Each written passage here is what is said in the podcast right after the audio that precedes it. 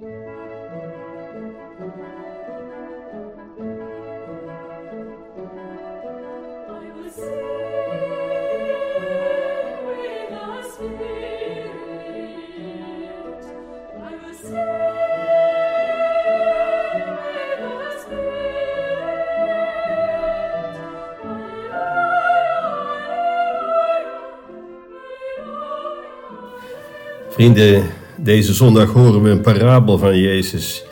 En helemaal in het begin, ja, weet je al hoe het af gaat lopen.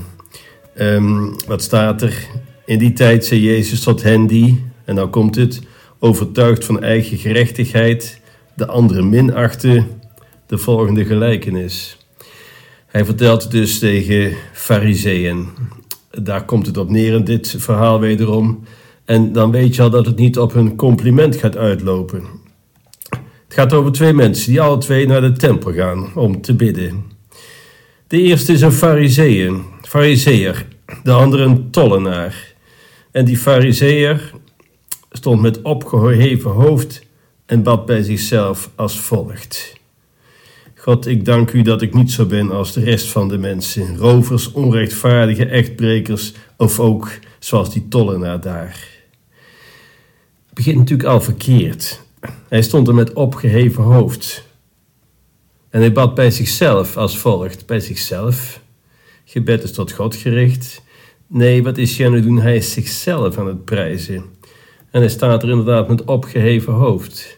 En gebed is altijd, altijd bedoeld. Maak je nederig, eenvoudig. Maak je nederig voor God. En het andere aspect is altijd heb compassie met een ander. En dat doet hij nou alle twee niet. Goed, hij zegt er nog iets bij, want het is niet de beroerdste.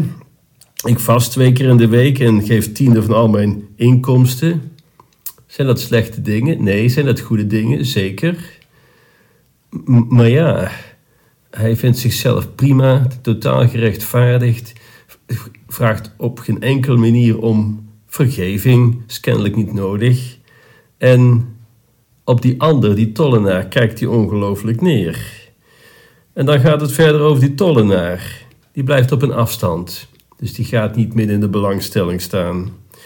Hij wilde zelfs zijn ogen niet opheffen naar de hemel. Kortom, hij keek nederig naar beneden.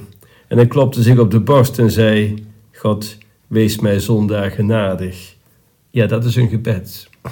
Was die tollenaar een slecht man? Zeker, daar mogen we wel van uitgaan. Die waren ook gehaat. Zo erg zelfs dat je daar niet eens grappen over maakte, over tollenaars, want het was te erg. U weet het, die haalden belasting op voor de vijand, voor de bezetter. En ze persten de mensen uit, wat alles wat je boven het minimum wat de Romeinen vroegen, als je dat af kon persen, dat hielden ze zelf. En toch, de conclusie van Jezus is, die tollenaar, die ging gerechtvaardigd naar huis en niet die andere. En Jezus zegt het zelf nog maar een keer, want al wie zichzelf verheft, zal vernederd, en wie zichzelf vernedert, zal verheven worden. En dan nu mijn vraag: met wie van de twee zou u zich willen vergelijken? Met die fariseer die zegt: dank ben ik niet zoals al dat ander tuig? Of de tollenaar die zegt: Heer, wees mij zondaar genadig.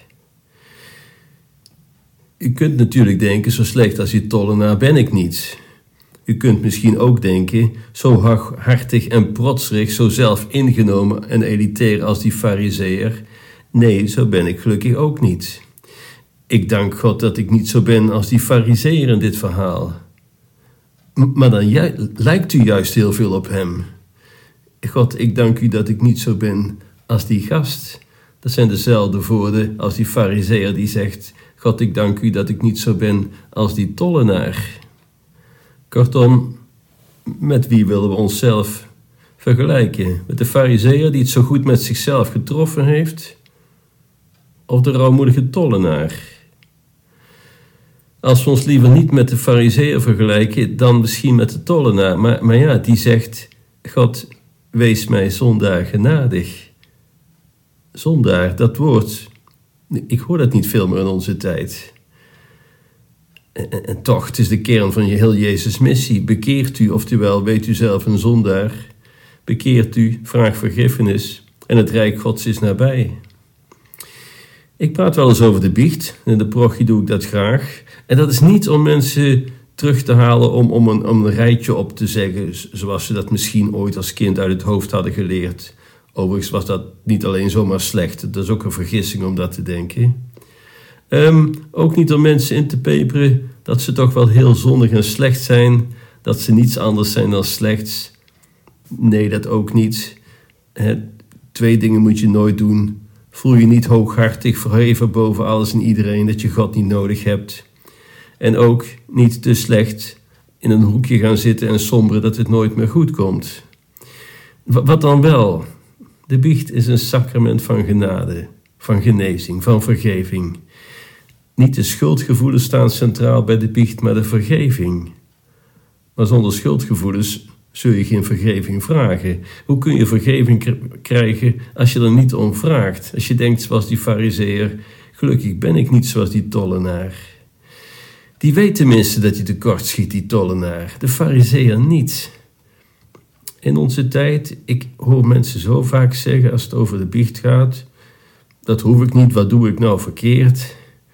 Ten eerste, dat is niet het hele verhaal. Als je niks verkeerds doet, maar ook niks goeds. U gebruikt uw talenten niet. Ja, waar zijn die voor bedoeld? En bovendien, ik doe niets verkeerds, is dat zo? Dan kan ik vast met de heiligverklaring van u beginnen. Ik doe niks verkeerds. Wat voor zonde doe ik dan? Nou, die fariseer steekt dat tenminste nog een stuk bovenuit. Die zegt, ik vast twee keer per week en geef 10% van mijn inkomen. En vergis u niet, hij meende dat serieus. Hij is een gelovig man en is consequent. Nogmaals, hij vast twee keer per week en geeft 10% van zijn inkomsten aan goede doelen. Wie van u doet dat? 10% vasten? Wie van ons kan tippen aan deze fariseer met zijn ja, hoge morele standaards?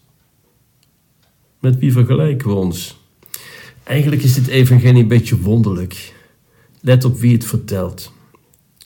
Wanneer we ons met de fariseer vergelijken, dan worden we gewaarschuwd voor eigenmachtig en eigengereid gebed, waarbij we denken, andere mensen doen ons van alles aan, maar aan mij mankeert niet zoveel.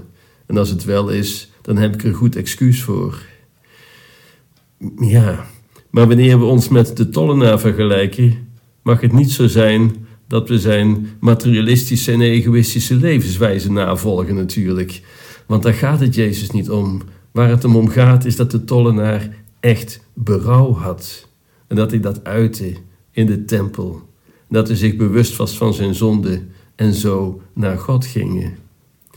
Daarom het sacrament van de biecht. Jezus prijst het in de tollenaar dat hij besefte dat hij een zondaar was, zichzelf niet goed praatte en dat hij bereid was dit aan God te beleiden om vervolgens een ommekeer te maken. Wanneer we dus in onze tijd zeggen, wat doe ik nou verkeerd, staan we eerlijk gezegd dichter bij die fariseer dan bij de tollenaar. Als Jezus mag kiezen, heeft hij liever met een tollenaar te doen die weet dat hij tekort schiet, dan met een fariseer die vindt dat een hem niks markeert en dat hij blij is dat hij niet zo slecht is als al die andere mensen. Het is zinloos om neer te kijken op anderen. u weet het, hè? Augustinus zei het al, haat het kwaad, dat moeten we niet goed praten, maar hou van de zondaar. Kortom, anderen afschrijven, op anderen neerkijken, never ever.